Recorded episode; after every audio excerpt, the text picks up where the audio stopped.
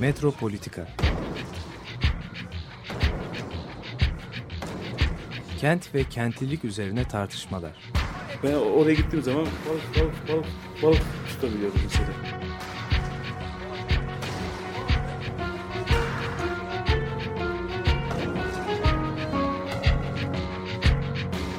Hazırlayıp sunanlar Aysin Türkmen, Korhan Gümüş ve Murat Güvenç.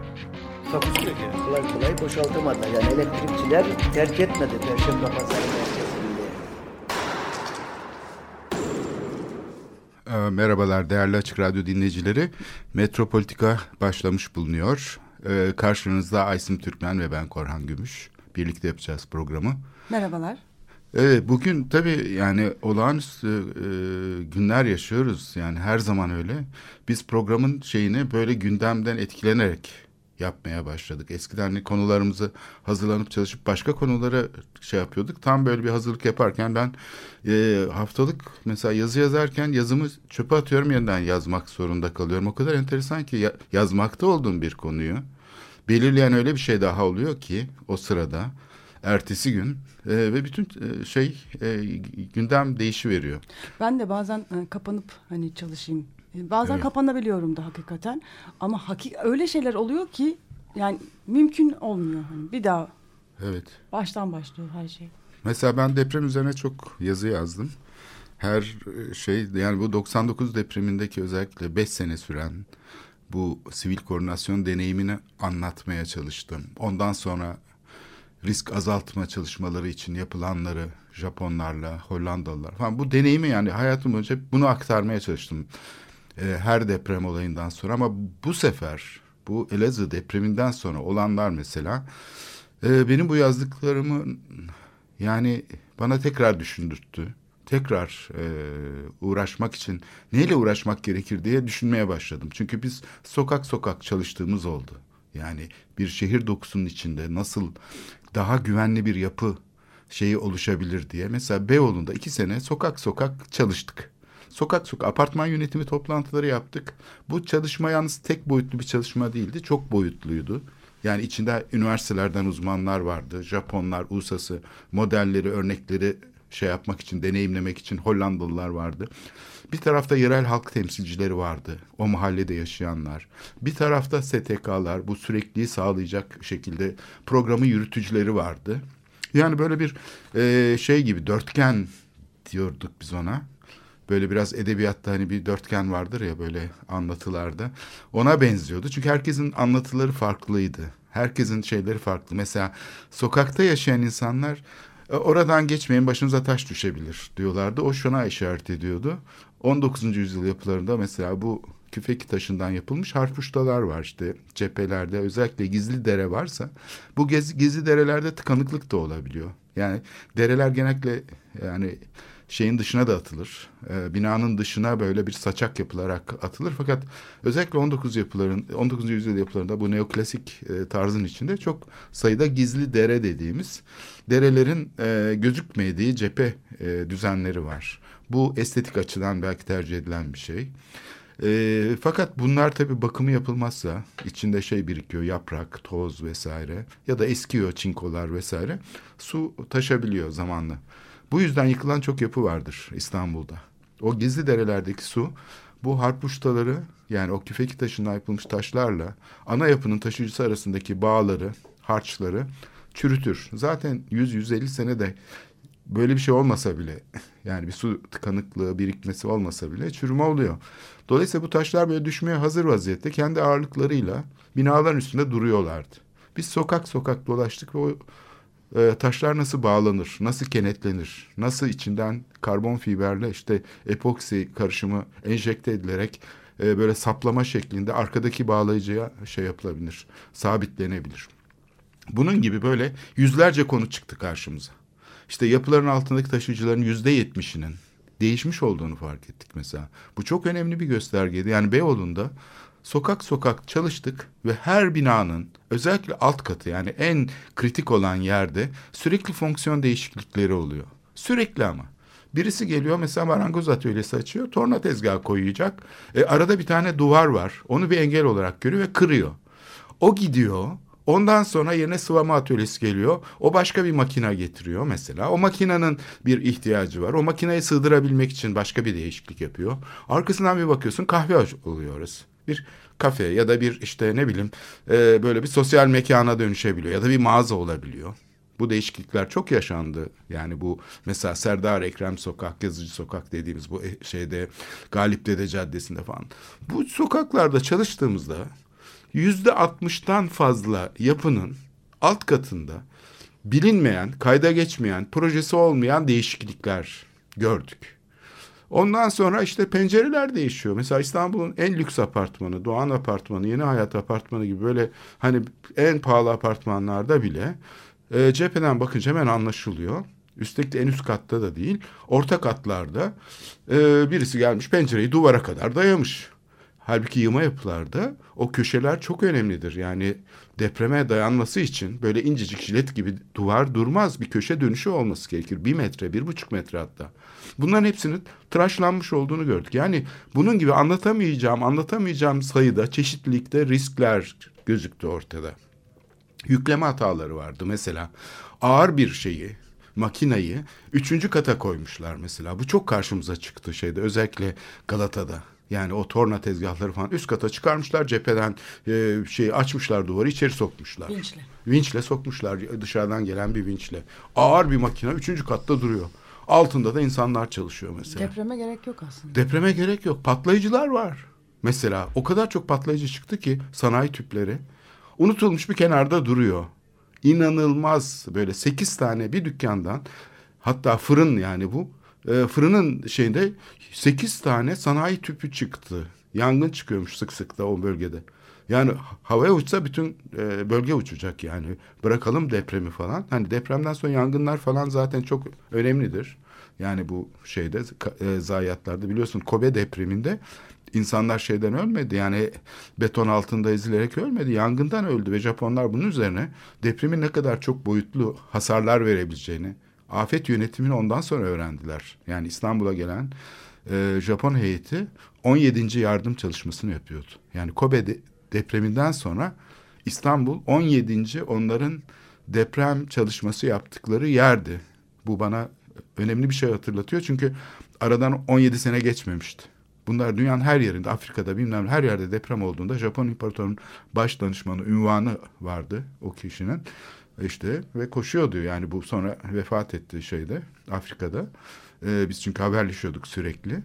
Ya bunlar kendilerini buna adamışlar. Bu deneyim çünkü öyle bir şey. Yani bir kere hayatta bir kere başlarına geldi mi anlıyorlar bir şeyleri ve bunu hayatlarının ana meselesi haline getirebiliyorlar. Bütün dünyayı dolaşmaya başlamış. Yani düşünsene Afrika'da 90 yaşında bir adam, 87 yaşında, 85 yaşında bunlar böyle. Bu yaşlarda insanlar yani hani böyle e, 50-60 yaşında falan da değiller. İnanılmaz yani. Koşa koşa e, böyle yeniden şey olmuşlar yani bir tür Deprem uzmanı e, Evet çok büyük bir deneyim biriktirmişler. O yüzden de bu sokak çalışmaları bizim mesela önemli bir şeydi. Ben şeyi hatırlıyorum. Şimdi yeni yapılar yapılıyor. Mesela bu bitişik nizam yapılar tartışılıyor ya. Çok önemli bir burada çok ufak bir püf noktası var. Çıkan profesörler falan televizyonlarda şey diyorlar. Arada mutlaka bir şey olmalı. 20 santimlik falan bir espas olmalı. Yani bu titreşimli iki binanın sallantısı birbirine çekişleme etkisi yapmasın diye arada bir e, şey olması gerekir. Ders 20 santime yakın falan deniyor. Şimdi bu Türkiye'de yanlış anlaşılıyor tamamen. Şimdi bu Beyoğlu'ndaki mesela e, bitişik nizam yapıların aslında aralarındaki süspansiyonu sağlayacak olan derzler 5 metre, beş buçuk metre. Niye? Çünkü birçok yapı ya putrel ya ahşap. Dolayısıyla iki duvar arasındaki malzeme zaten esnek. Bunu fark etmiyorlar. Bu çok önemli bir ayrıntı. Yani o aradaki mesela ahşap döşeme ki dışarıdan hiç anlaşılmaz. Binayı taş zannedersin. Ee, üzerinde böyle e, kinişli döşeme dediğimiz birbirine geçmeli tahta vardır. Ee, merteklerin ya da işte kirişlerin üstünde. Bu kinişlerin üstünde de yangına karşı dayanıklı olsun diye içinde e, saman katılmış ya da kenevir lifleri katılmış kiniş dediğimiz beş santimlik beton gibi aynı işlevi gören bir şey vardır, harç vardır. Bu harç yangına karşı binayı korumak içindir. Yani yukarıdan, sobadan falan ateş düştüğünde tahta bir döşeme olsa çok risklidir. Bütün binanın içi baca gibi o meşhur 1870 yangınında olduğu gibi yanı verir. Bütün Beyoğlu yanar. Onun için Beyoğlu'nda çok ilginç bir şey geliştirmişler. Bu yapıların çoğunda ahşap olmasına rağmen döşeme bu e, Venedik'te de vardır. Yani Avrupa'da da bu ahşap yapı geleneği vardır. Üzeri 5 santim şey kaplı, kinişli döşeme. E, bunun üzerindeki harç, e, hatta bunun üzerine mozaik bile yapılabilir. Dökme mozaik gibi. Yani bu sahneden e, Putrel Volta icat edilmeden önce, yani sanayi devrimden önce geliştirilmiş bir e, model bu döşeme tipi. Bunun üzerindeki bu kinişli döşemenin üzerindeki şey e, harç e, şeye yangın riskine karşı yapıyı korur. Buna karşılık döşeme ise esnektir. 35 santim aralıkla neredeyse yükseklikleri 30-35 santimi bulan 30'a işte diyelim ki 7-8 santim kalınlığında kirişlerle örülmüştür bütün döşemeler. Saraylar bile öyledir. Yani bu Fransız Sarayı, Hollanda Sarayı falan dediğimiz hani büyük yapılar var ya Rusya Sarayı. Bunlar bile e, henüz daha şey icat edilmeden önce yani betonarme yok zaten şey de yok. Putrel dediğimiz icat da yok henüz çelik teknolojisi henüz gelişmemiş o kadar ya da pahalı. Bu yüzden ahşapla hafif ahşapla geçilir. Saray yapıları Dolmabahçe Sarayı'nı da mesela yani yanan e, saraylar nasıl hani nasıl yandı diye dış, e, bakılır dışı çünkü taştır ya bu saray alev alev yanıyor. Çırağan Sarayı mesela nasıl yani? E çünkü ahş, içi ahşaptır e, akademinin, Mimar Sinan Üniversitesi'nin yapıların içi eskiden ahşaptı. İşte Galatasaray Üniversitesi'nin içi ahşaptı. Yani bunlar e, henüz daha beton icat edilmeden önce yapılmış yapılar. Ve putral de yok. Üstelik de ağır olur. Yani bu döşemeleri tuğla ve şeyle yapmaya çalışsan çok muazzam ağırlık olur. O büyük salonları ahşapla geçmek çok daha kolay. Yani bir birleşik giriş yaparak ahşap e, büyük salonlar yapılabiliyor. Peki bu depreme dayanıklı mı ahşap olması? İşte o Daha- çok çok önemli. esnektir. Evet. Ahşap yapılar depreme çok dayanıklı. Mesela şimdi hani adalarda falan şey yapılıyor ya bu ay koruma kurullarının şeyine uygun olsun diye boğazda falan e, böyle cepheleri taş şey tahta kaplı içi beton betonarme uyduruk böyle hatta bir beton yapılıyor şeyde olduğu için hani güzel bir betonarme bina da aslında daha sarih ve daha şey olabilir taşıyıcıları. Burada taşıyıcılar da gizleniyor yani duvarın içine gizleniyor e, ahşapmış yap, gibi yapılıyor ya. O binalar mesela aslında depremi daya- dayanıklı yapıları biz çok hemen hızla şeye çeviriyoruz. Depreme Depreme dayanıksız. hale getiriyoruz. Mesela gene adalarda, Suadiye'de, Bostancı'da, Dalyan'da, Kalamış'ta, Boğaz'da yığma betonarme karışımı yapılar vardır. Cihangir'de, Sinşantaşı'nda. Bu yapıların duvarları harman tuğlasıyla yapılmıştır. Harman tuğlasıyla yapılmasının nedeni bazıları İkinci Dünya Savaşı sonrasında sırasında şey kıtlığı da olabilir. Demir kıtlığı olmasından dolayı yani büyük betonarme binaların yapılması zor oluyor. Ama aynı zamanda e, şehirlerdeki yaygın yapı dokusunun zaten yüzde doksanının mimarlar ve mühendisler tarafından yapılmadığını düşünürsek modern zamanlarda bile yani aslında modernleşme Ustalar tarafından yapılıyor. Evet ustalar yapılıyor. Yani bunlar işte şeyler kalfalar, kalfa işi yapı dediğimiz yapılar çoğu. Bu yapıların içinde tabii mimarların katıldığı yapılar da var. Ama gene de geleneksel o kalfalık şeyiyle yapılıyor. Benim dedemin evi mesela öyleydi. Bir art deco yapı vardı dedeme ait. İşte bu yapının e, böyle baklavalı falan bir cephesi var. E, yarısı yani yığma yapıydı aslında ama betonarme bölümü vardı. Betonarme nereleriydi? Duvarların üstünde mesela betonarme hatıl gidiyor. Bir kiriş olarak bütün duvarların üstünde. Ondan sonra döşemeler betonarme. Yani ahşabın yerini betonarme alıyor. Fakat duvarlar yığma. Böyle yapılar müthiş esnek yapılar. Bu esnek yapıların depreme çok dayanıklı olduğu, 7 değil 8 şiddetinde bir deprem bile olsa bunların ayakta kalabileceği biliniyor. Çünkü bunlar yatay yüklere de çok dayanıklılar. Sadece dikey yüklere değil. Ee, bu sağlam yapı stoğunu İstanbul kaybediyor son zamanlarda. Bu kentsel dönüşümle birlikte mesela ben Kalamış'ta gördüm.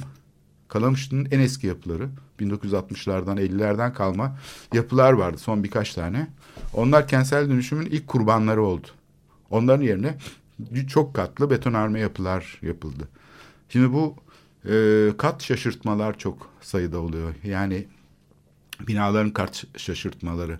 Neden dersen işte kömürlük var eski binalarda. Yarım kat bazen redo şose böyle bir metre yukarıda üç basamakla girilir falan ya da biraz 50 santim yukarıdadır. Ama yeni binalarda altta mağaza yapılıyor. Kömürlük kaldırılıyor. Böyle olunca yarım kat Beyoğlu'nda mesela çok gördük bundan. Tamamen deprem yönetmeliklerine uygun olarak yarım kat farkla bina yapılıyor. Bu ne demek? Betonarme döşemelerin yandaki bitişik nizam yapıların duvarlarına tam ortadan saplanması demek. Yani bir bisküvi ile bıçak ilişkisini düşün. Bıçağı dayıyorsun böyle bisküvinin tam ortasına çat diye kırılır. Bunun o kadar çok örneği var ki ve hiç kimse buna dikkati çekmiyor. Yani yapının tabelasına bakıyorsun gerçekten teknik uygulama sorumluluğu falan hepsinin karşılığında bir isim var, bir mühendis var, bir şey var. Fakat yandaki yapıyla ilişkisini o yönetmelik dikkate almıyor. Bu o kadar çok yaygın bir şey ki. Bunu şeyden fark edebiliyoruz değil mi? Pencerelerin. Pencereden Aynı- aynı anlaşılıyor. şey evet çok Yani basit bir şey bu. Anlaması o kadar kolay ki. Apart, iki apartman yan yana. Oradaki pencereler aynı hizada olmalı. Evet. Ama çok az. e, Çok az. yapıda bu aynı Evet. hizada. Yani bu çok hayret verici bir şey. Hani bırakalım şeyi uzman olmayı.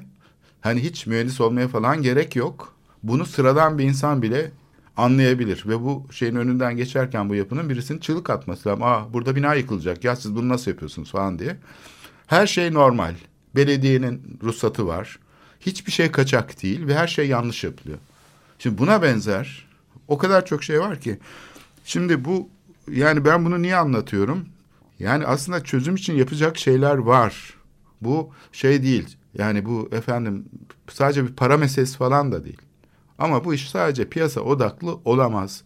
Burada ortaya çıkan şey insanların sadece çıkar mantığıyla yaklaştığı bir sistemin güvenli, dayanıklı bir şehir olmayacak. bir şey soracağım ama deminki şey belki dinleyicilerimiz de hani önemseyeceklerdir.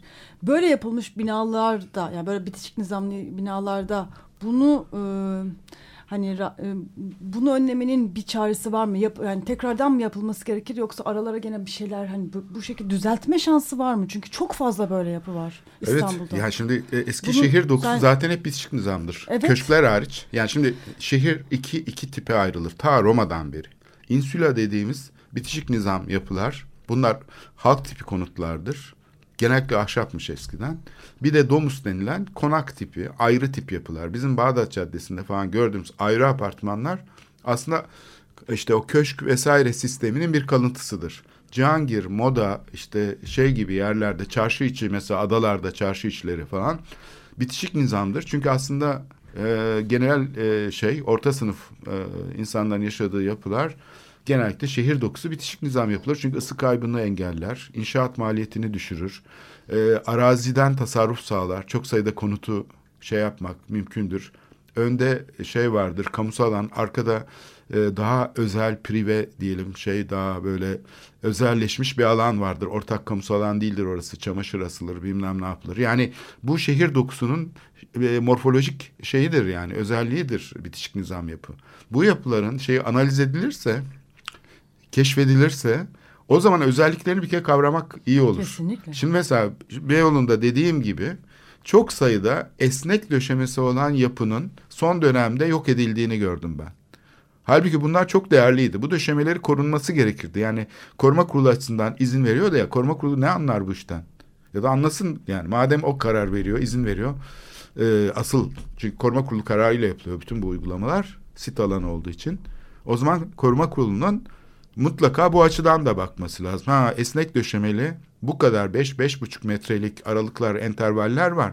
Bu aslında bir dilatasyon vazifesi görüyor demesi lazım. Bir kere mevcut yapı stoğunu değerlendirmekte bir aciz var. Yani bu şeyi sadece yeni yapılarda değil, eski yapıların yerine yapılan yeni yapıların bu riski yarattığını görüyoruz.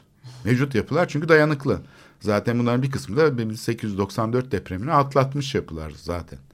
Mevcut yapılara gelince Ve 99 depremi. Evet 99 depremini gayet Evet. şey atlatmış yapılar. Ee, köşe yapılarda biraz dikkatli olmak gerekir. Bitişik nizam yapıların aslında. Bu eski dokularda ve köşede de bir çıkma yapar ya cumba yapar falan. Onu böyle e, arkadan tekme vurur gibi o yapıyı aşağı doğru dökebilirler. Nitekim Beyoğlu'nda zannedersem A Camisi'nin olduğu sokakta e, 99 depreminde böyle metruk bir yapı yıkılmıştı. Hatırlıyor musun bilmiyorum.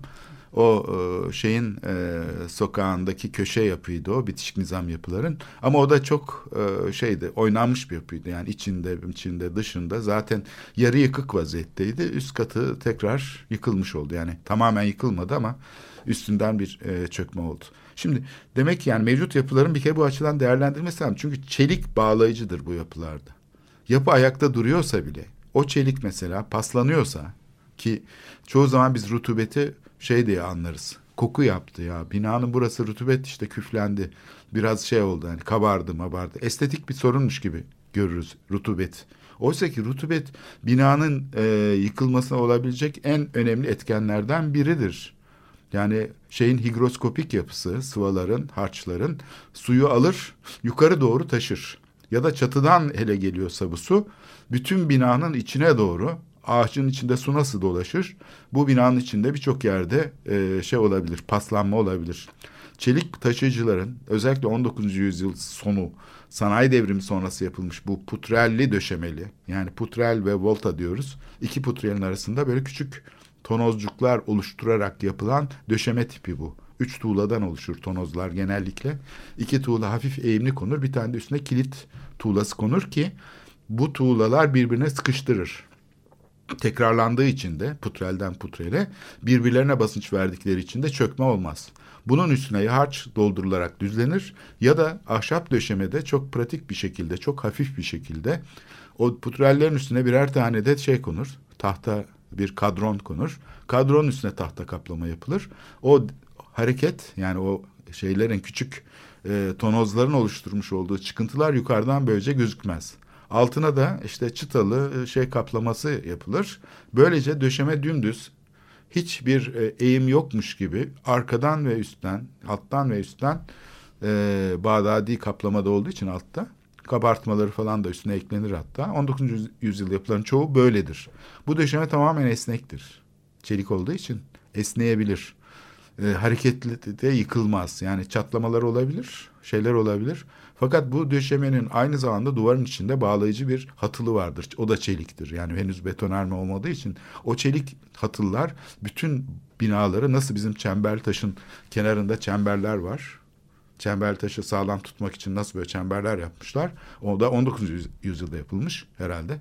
Belki daha eskiden de yapılmış olabilir ama hani sağlamlaştırma yöntemi olarak yakın tarihlerde yapılmış bir şeye benziyor. Ee, bu 19. yüzyıl yapılarında da duvarların içinde böyle çemberler gibi bütün duvarları birbirine bağlayan hatıllar vardır. Çelik hatıllar. Bunlar paslandığı takdirde hani şuna benzetilebilir bir kesme şeker kutusunu al. Vardır ya kesme şeker paket böyle kutuyla. Kartonunu şöyle yırt. Kesme şekerler gene dimdik durur. Ama en ufak sallantıda dağılı verirler.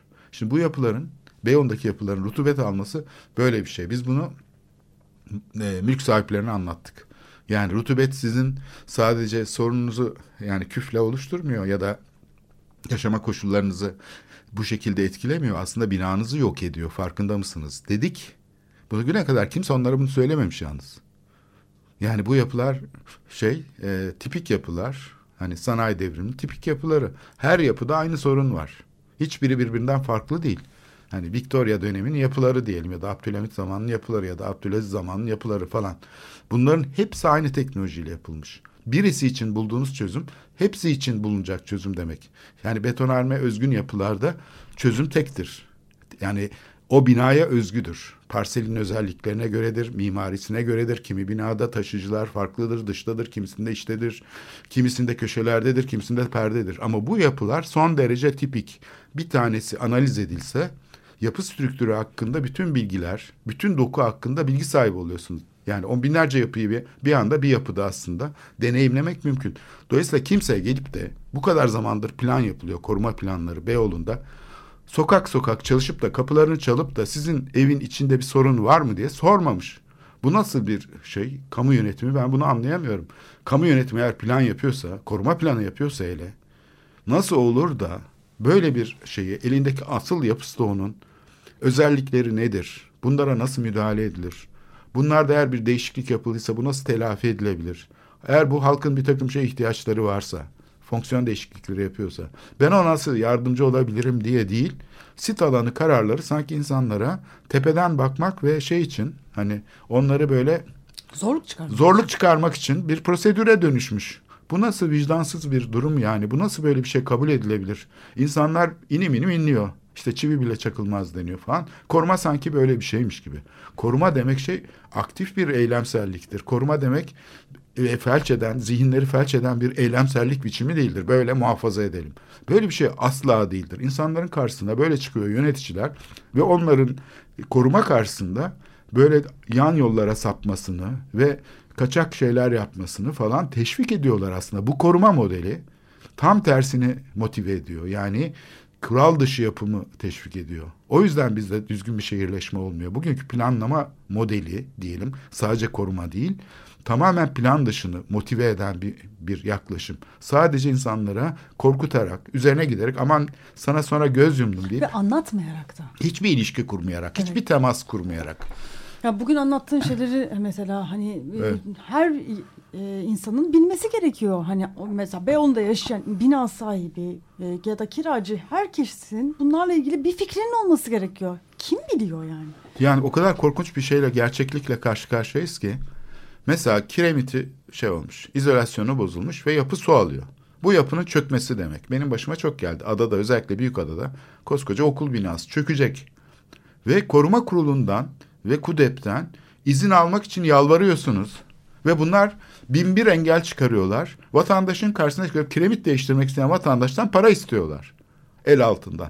Bu böyle bir şey asla kabul edilemez. Bu sadece yolsuzluk, rüşvet değil.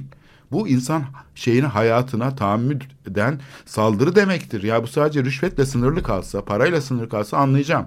Ama insanların hayatı söz konusu. Yani buna nasıl seyirci kalınabilir? Ve bu, bu kamu yönetiminin görevi bu. Birinci önceliği o kadar uzman çalışıyor değil mi belediyelerde? Bu kadar mühendis var, bu kadar şehir plancısı var. Ne iş yapıyorlar Allah aşkına? İnsan çok merak ediyor yani. Bu çalışmaları yapmaları lazım. Biz gönüllüler gece yarısına kadar bununla uğraştık iki sene boyunca. Sokak sokak çalıştık. Belediye tabii katılıyor, şeklen katılıyor tabii belediye dışı. Ama onların öncelikleri başka bir şekilde şekillenmiş. Türkiye'nin siyasi, bu merkeziyetçi siyasi hayatı yereli anlamlandırırken yerel deforme ediyor.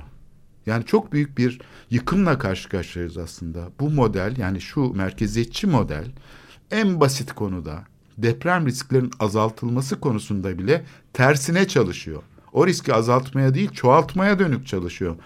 Bunun farkında olmalıyız. Bu sistemle yani benim gözlemlediğim 99 depreminde zaten ta işin başında 17 Ağustos sabahından başlayarak üstümüze yıkıldı bütün her şey. Senelerce 5 sene boyunca nefes almadan çalıştık. Nefes almadan uğraştık koordine etmek için çünkü kimse yapmıyordu o iş. İstanbul depremi olduğunda da Isparta gibi şu anda yani hasar gören şey aşağı yukarı İstanbul'un bir mahallesi gibi. Bu mahalleye evet müdahale edilebilir. Ama İstanbul'da deprem olduğu zaman böyle bir müdahalenin olma şansı yok. Ne su bulunacak ne yiyecek. Ne sağlık ekibi bulunacak ne arama kurtarma. Bunun farkında mıyız? Yani şöyle bir şey yapalım. Hesap kitap yapıyorlar. Efendim 100 bin bina yıkılacakmış. E ne kadar? 300 bin kişi ölecekmiş. Belki iyimser bir tahmin. Ama 100 bin bina bile yıkılsa arama kurtarma dahil su hizmetleri, sağlık hizmetleri hiçbir şey yerine getirilemeyecek demektir. Şu anda 3-5 yapıyla uğraşarak, 10 tane yapıyla uğraşarak oluyor ama ben bunu 99 depreminde gördüm. 99 depreminde Ve sonra yangınlar çıkacak. Başka felaketler başka de olacak. felaketler olacak. Hele İstanbul gibi bir şehirde, 20 milyonluk bir şehirde Gaz sızıntıları Gölcük'teki olacak. olayı gördük. Kocaeli'ndeki olayı gördük. Yani bunu nasıl inkar edebiliriz? Şimdi koalisyon ortakları içinde biliyorsun böyle bir E, tartışma insanların başladı. hani şey de önemli bu arada. Bunu da söylemek gerekiyor bence. Yani İstanbul'dan mesela İzmir'e kaçılıyor. Hani depremle ilgili çok Evet, ama şu anda İzmir da- de aynı durumda. Yani hani bunu Emlak da düşünmek şeyleri var lazım. şu anda, Ankara'ya kaçılıyor. Evet. Ankara'da da hani yani gittiğimiz her yerde bununla ilgili hani farklı bir bakış açısının oluşması gerekiyor. Yani bir yerden bir yere kaçarak yani farkındaysak Anadolu'nun her tarafı sallanıyor. Yani Tabii. Biz her Şimdi tarafta fay şey belli. Konya'da mesela böyle bir risk yok değil. Yani orada da başka riskler olabilir ama şimdi bu mevcut şehri dayanıklı hale getirmenin yolunu aramalıyız. Kanal İstanbul bilmem ne falan hani dünkü Ya Kanal ya İstanbul açıklamasında da bu var zaten. Yani böyle bir şey şu andaki Türkiye'nin siyasi rejimi insanların hayatını güvenceye almak üzere değil, güvenceye almamak üzerine. Sadece deprem sonrası, onun için deprem sonrası arama kurtarmaya yoğunlaşıyor. O da bir gösteri şeklinde ki istersen programın ikinci bölümünde de ona değinelim. Evet, e, Patti Smith'ten dinliyoruz. Because the Night.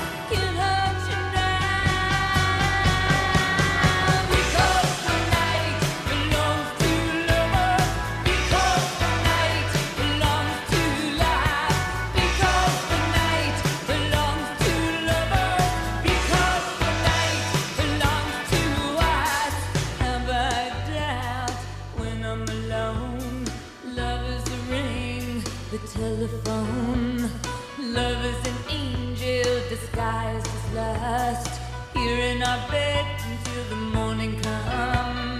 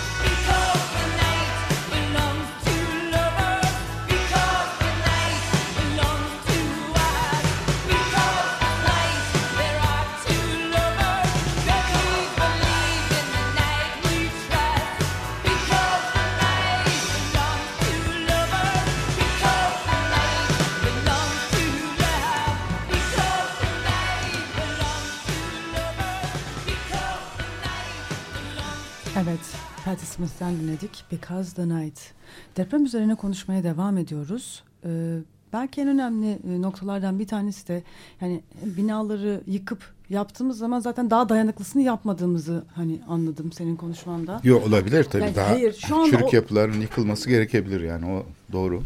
Evet. Ee, ama yani genelde ne kadar çürük olduğunu bile hani Evet. anlamadan bilmeden yani yaptığımız yapılar bile o kadar dayanıklı mı bu- bunu bilmiyoruz. Yani. Ama ben Mesela sana sit alanını Nizamla söylüyorum. ilgili yapılan binalarda çok ciddi Ee, sorunlar olduğunu kesinlikle. söylüyorsun.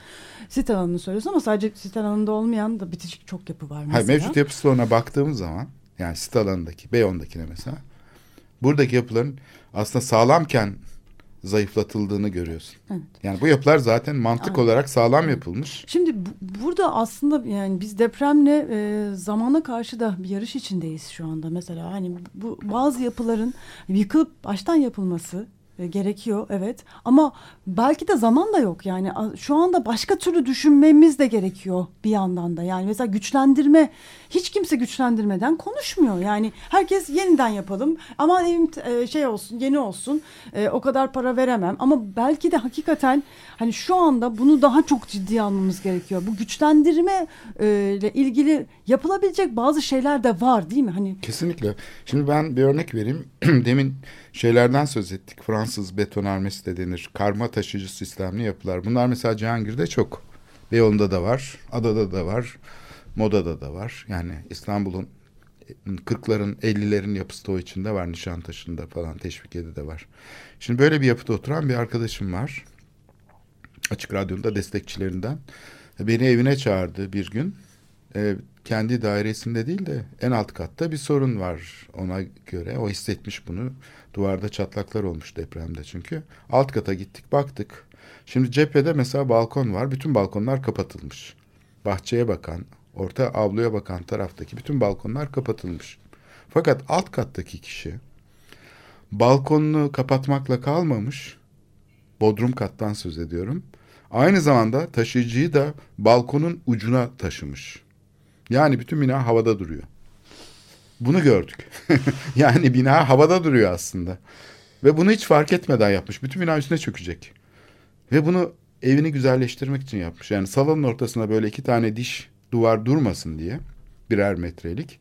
O oturdu. O ortada da bir bölüm var çünkü zaten bir duvar parçası daha var. Perde duvar gibi bunlar yığma duvar.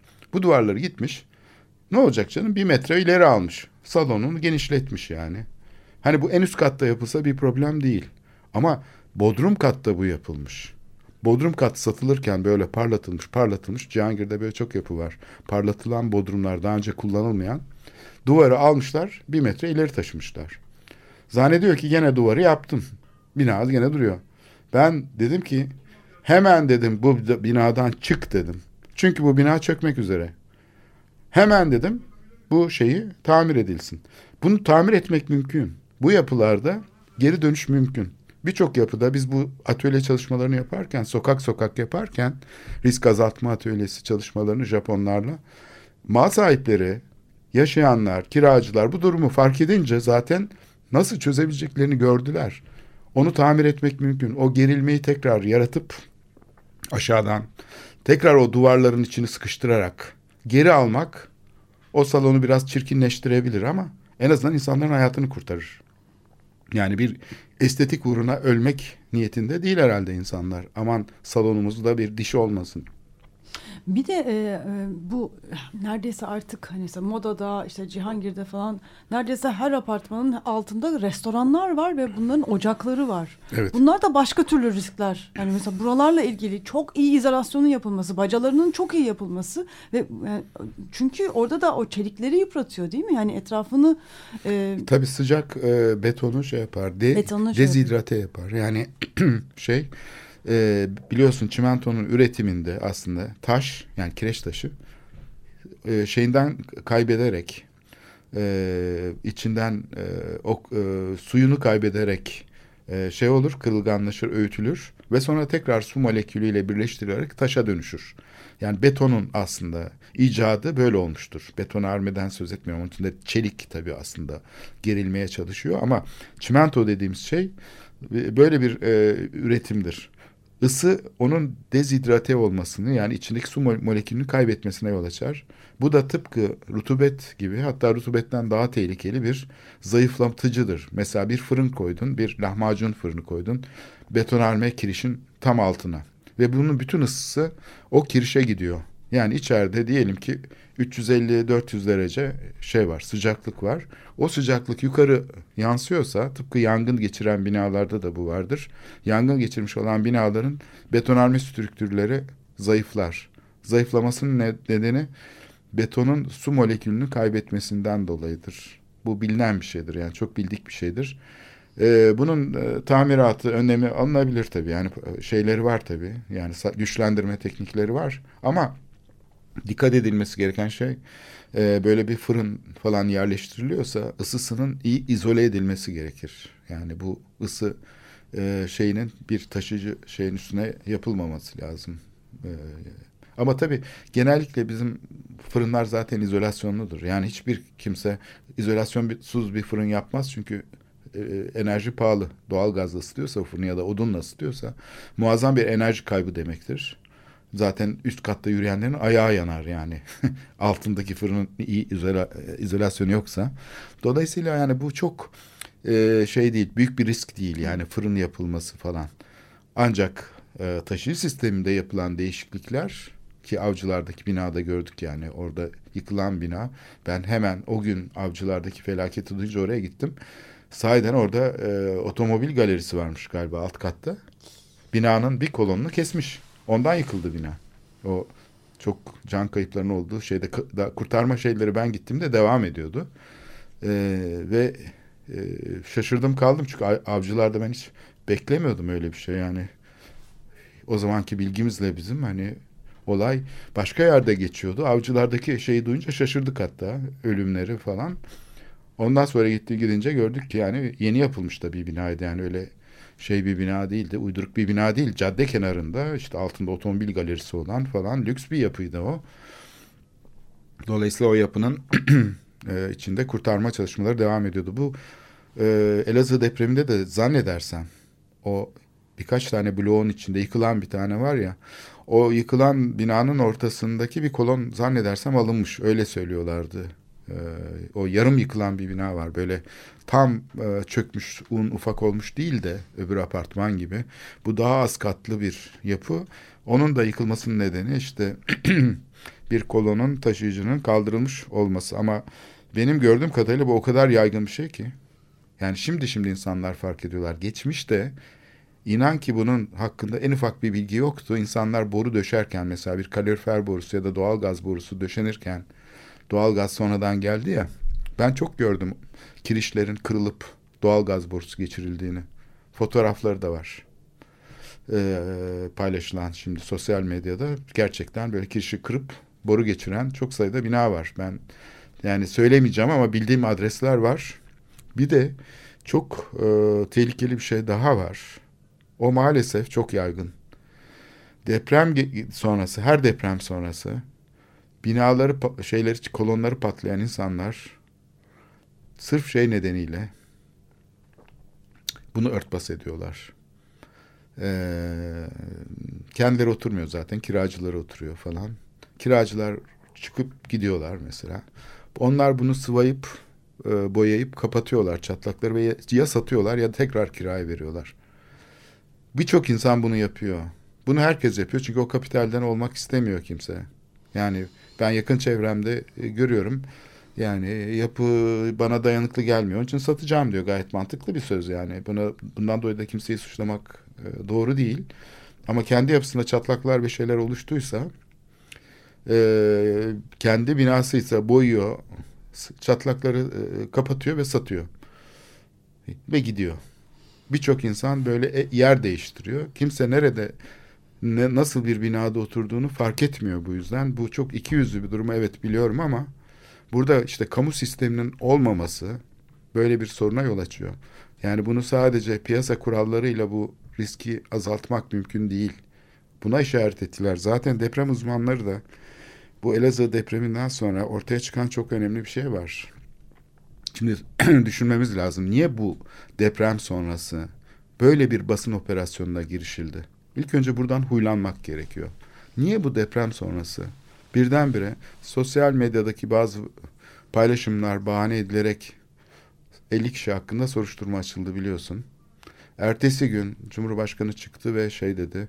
Deprem engellemek mümkün olan bir şey değildir. Dünyanın hiçbir yerinde engellen, engellenememiştir dedi. Sanki bunu iddia edenler var. Bu kaderdir dedi. Fakat uzmanların işaret ettiği şey şuna dokunuyor. Bir kere Elazığ depremi gibi depremler çok korkunç bir şey tabii. Ölen insanlar için kimse bir şey söyleyemiyor. Hayatta kalanlar için Daha da zor. onları işte mutlu olduklarını söyleyen televizyon yayınları yapılıyor. İşte yaralar sarılıyor diye bütün dünkü gazeteler yandaş basın yaralar sarıldı diye başlık atıyordu ama kimse asıl mağdurlarla konuşamıyor. Onların da konuşma imkanı yok. Şimdi bu böyle bir çelişki yaşarken bu bastırılmış olan hakikat bir şekilde muazzam bir enerji topluyor. O da bir deprem gibi ve bu bir hayalet gibi bizim politik rejimimizi tehdit ediyor şu anda. Onun için korkuyorlar bu kadar. Buna İstanbul depreminin hayaleti diyebiliriz. Bu hayalet dolaşıyor şu anda ve o yüzden o hayaleti bastırmak, yok etmek, görünmez kılmak için muazzam bir basın operasyonuna girişildi. Hayaletler Televizyonlar öldürülemez. E, hayaletleri öldürmek mümkün değil. Hayaletler de hayaletleri öldüremiyor. İşin tuhaf tarafı o. Hayaletlerle mücadele etmek başka hayaletlerle olmuyor. Yani aynı yöntemi uygulayan, aynı bastırma teknikleriyle e, hayaletleri ortadan kaldırmak mümkün olmuyor. Beklenen İstanbul depreminin ne boyutlarda olduğunu herkes aşağı yukarı tahmin edebiliyor. Bunun için uzman olmaya gerek yok. Ne Elazığ'da olduğu gibi bir arama kurtarma olabilecek, ne bir yaraları sarma şeyi olabilecek, ne su olabilecek, ne ilaç olabilecek.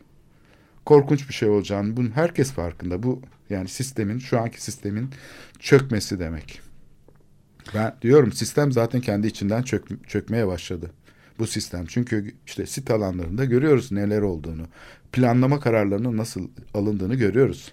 Şimdi burada çok önemli bir şey işaret ettiler uzmanlar. Onun için bence bu operasyon bu kadar şiddetle bastırıldı. Soruşturmalar vesaire. Bildiğim kadarıyla Naci Görür de istifa etmiş. Çünkü o fay hatlarının nerede kırıldığını, nerede kırılacağını söyleyip duruyordu. Sivrice'de demiş. Evet. Yani daha Çünkü ne, herkes daha ne biliyor. desin yani. Herkes nerenin kırılacağını biliyor. Ama yarın mı, öbür gün mü o belli değil. Şimdi bunu söylediği için muazzam bir tepki çekti tabii siyasi taraftan ve onu suçladı aslında. Yani dikkat edersen söylem ona dönüktü. Yani deprem engellenemez bir gerçekliktir diyen ona ona işaret ediyordu. Yani kırılacak bu. E kırılacaksa kırılacak kardeşim sus. Fıtratında var bu işin. Sen ne diyorsun yani yok efendim şehirleri güvenli hale getirmekmiş. Sen kim oluyorsun? Onu yapacaksa ben yaparım. Nasıl şefkat elimi uzatıyorsam gerekirse onu da yaparım. Ama şu anda Türkiye'nin ekonomik gerçekleri var. Şimdi bu acayip bir şey. Pa- patlama riski çok büyük bir deprem bu da. Bunu bastırmak zorunda. Onun için bütün yandaş basın, bütün hatta bildiğimiz merkez medya şu anda ne yapıyor? Muazzam bir göz boyama operasyonu yürütüyor. Ama yani hiç kimse de bunu bu kadar rahat kabul edilecek bir şeyde değil gerçeklikte değil yani hani bu bu yani kendi ayağına da sıkmak. Tabii çok büyük yapmak. bir risk var Çok burada. büyük Yani İstanbul bu. depremi olmadan İstanbul depremi olmuş gibi o hayalet şeyi tehdit etmeye başladı rejimi. Çünkü bu bildiğimiz bu spekülatif kentsel dönüşüm modeliyle şehirleri güvenli hale getirmek mümkün değil. Deprem yoksulları vuruyor daha çok ve şehrin yüzde altmışı riskli binalardan oluşuyor.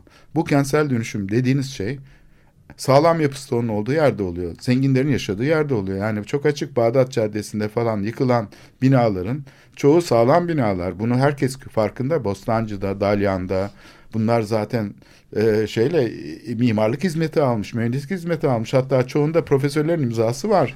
Ben bunu yazımda belirttim. Yani Utarit İzgi gibi bir profesörün yaptığı bina yıkmaya kalkıyorlar. En kaliteli yapıyı. Yani onun yerine ne yapacaksın?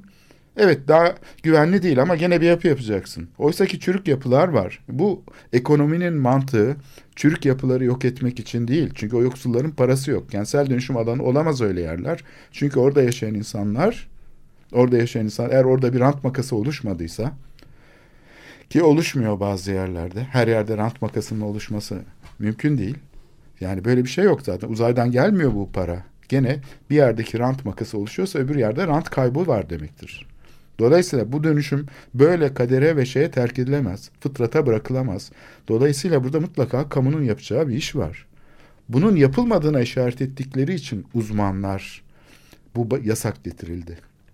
Şeye gözdağı verildi televizyonlara. Bütün televizyonlara gözdağı verildi dikkat edersen. Yayın programlarını değiştirmek zorunda kaldılar ve ondan sonra tamamen mutlusun haberleri yapmaya başladılar. Yaralar sarılıyor haberi yapmaya başladılar. Distopik sinema filmlerine döndü. Evet bunun Hakikaten. tarihte örnekleri var. Edebiyatta da var değil mi? E, mutsuz gözükmenin yasak olması. Evet. Yani, olan sistemde mutsuz gözüküyorsan mutlaka sen orada bir e, hani sisteme karşı bir tavırdasın. O zaman e, suç işliyorsun. Mutsuz gözükmek, mutsuz olduğunu söylemek, endişeli Bunun için hapse gözükmek- atılabilirsin. Evet. Bu çok saçma bir şey. Yani o kadar absürt bir durum yaşıyoruz ki aynı Taksim olayında olduğu gibi Taksim işte şeyi düzenlemesiyle ilgili şey sözen zamanda da vardı. Yani bu proje sözen zamanda çıktı karşımıza. Bir programda bunu işleyelim. Buna karşı çıkan insanlar içinde tabii ki bizim gibi insanlar da var. Yani bu dalış tünellerine vesaire bunun siyasi bir boyutu yok. Bu yüzden Osman Kavala hapiste olacak şey değil. Yani böyle şey bunun iktidarla şeyle evet bir dokunduğu yer var. Bu deprem konusunda mutlaka iktidarın, rejimin ana meselesine dokunuyor ama o bildiğimiz iktidar çatışması şeklinde değil. Bu bir iyileşme emaresi göstermek için, bir şeyi değiştirmek için, gerçekten değiştirmek için, iktidarı ele geçirmek için değil. Böyle bir hedefi yok böyle bir çalışmanın. Deprem çalışmasının politik bir tarafı var evet, var. Can kayıpları, insan insani durum yüzünden çok var. Ama bu yapılan çalışma herkesin kabul edilebileceği bir şey. Taksim konusu da öyleydi. Herkesin sağcısı solcusu herkesin kabul edebileceği bir şey tartışılıyordu. Bu yüzden insanlara soruşturma açmak, hapse atmak olacak şey mi? Yani böyle bir şey vicdan kabul edebilir mi? Bu insanlar daha iyi bir ortam olsun, daha demokratik bir ülkede yaşayalım diye çalışan insanlar. Yani böyle bir şeyin hukuk sistemi içinde cezalandırılması ve şeye dönüştürülmesi insan hakları ihlalidir. Bu bir suçtur. Bu yapılan suçtur asıl.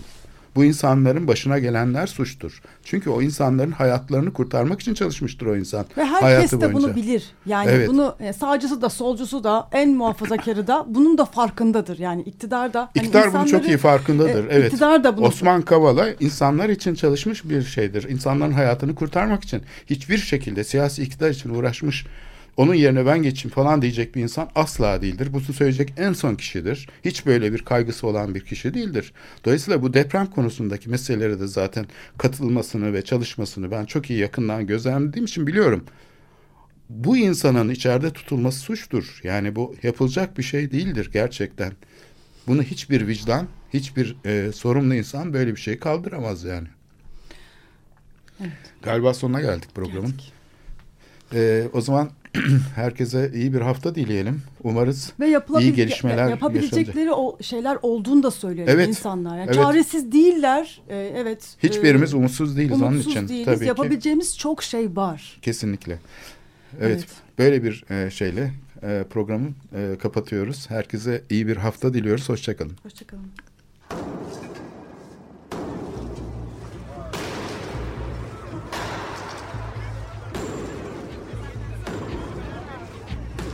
Metropolitika Kent ve kentlilik üzerine tartışmalar. Ben oraya gittiğim zaman balık balık balık balık tutabiliyorum mesela.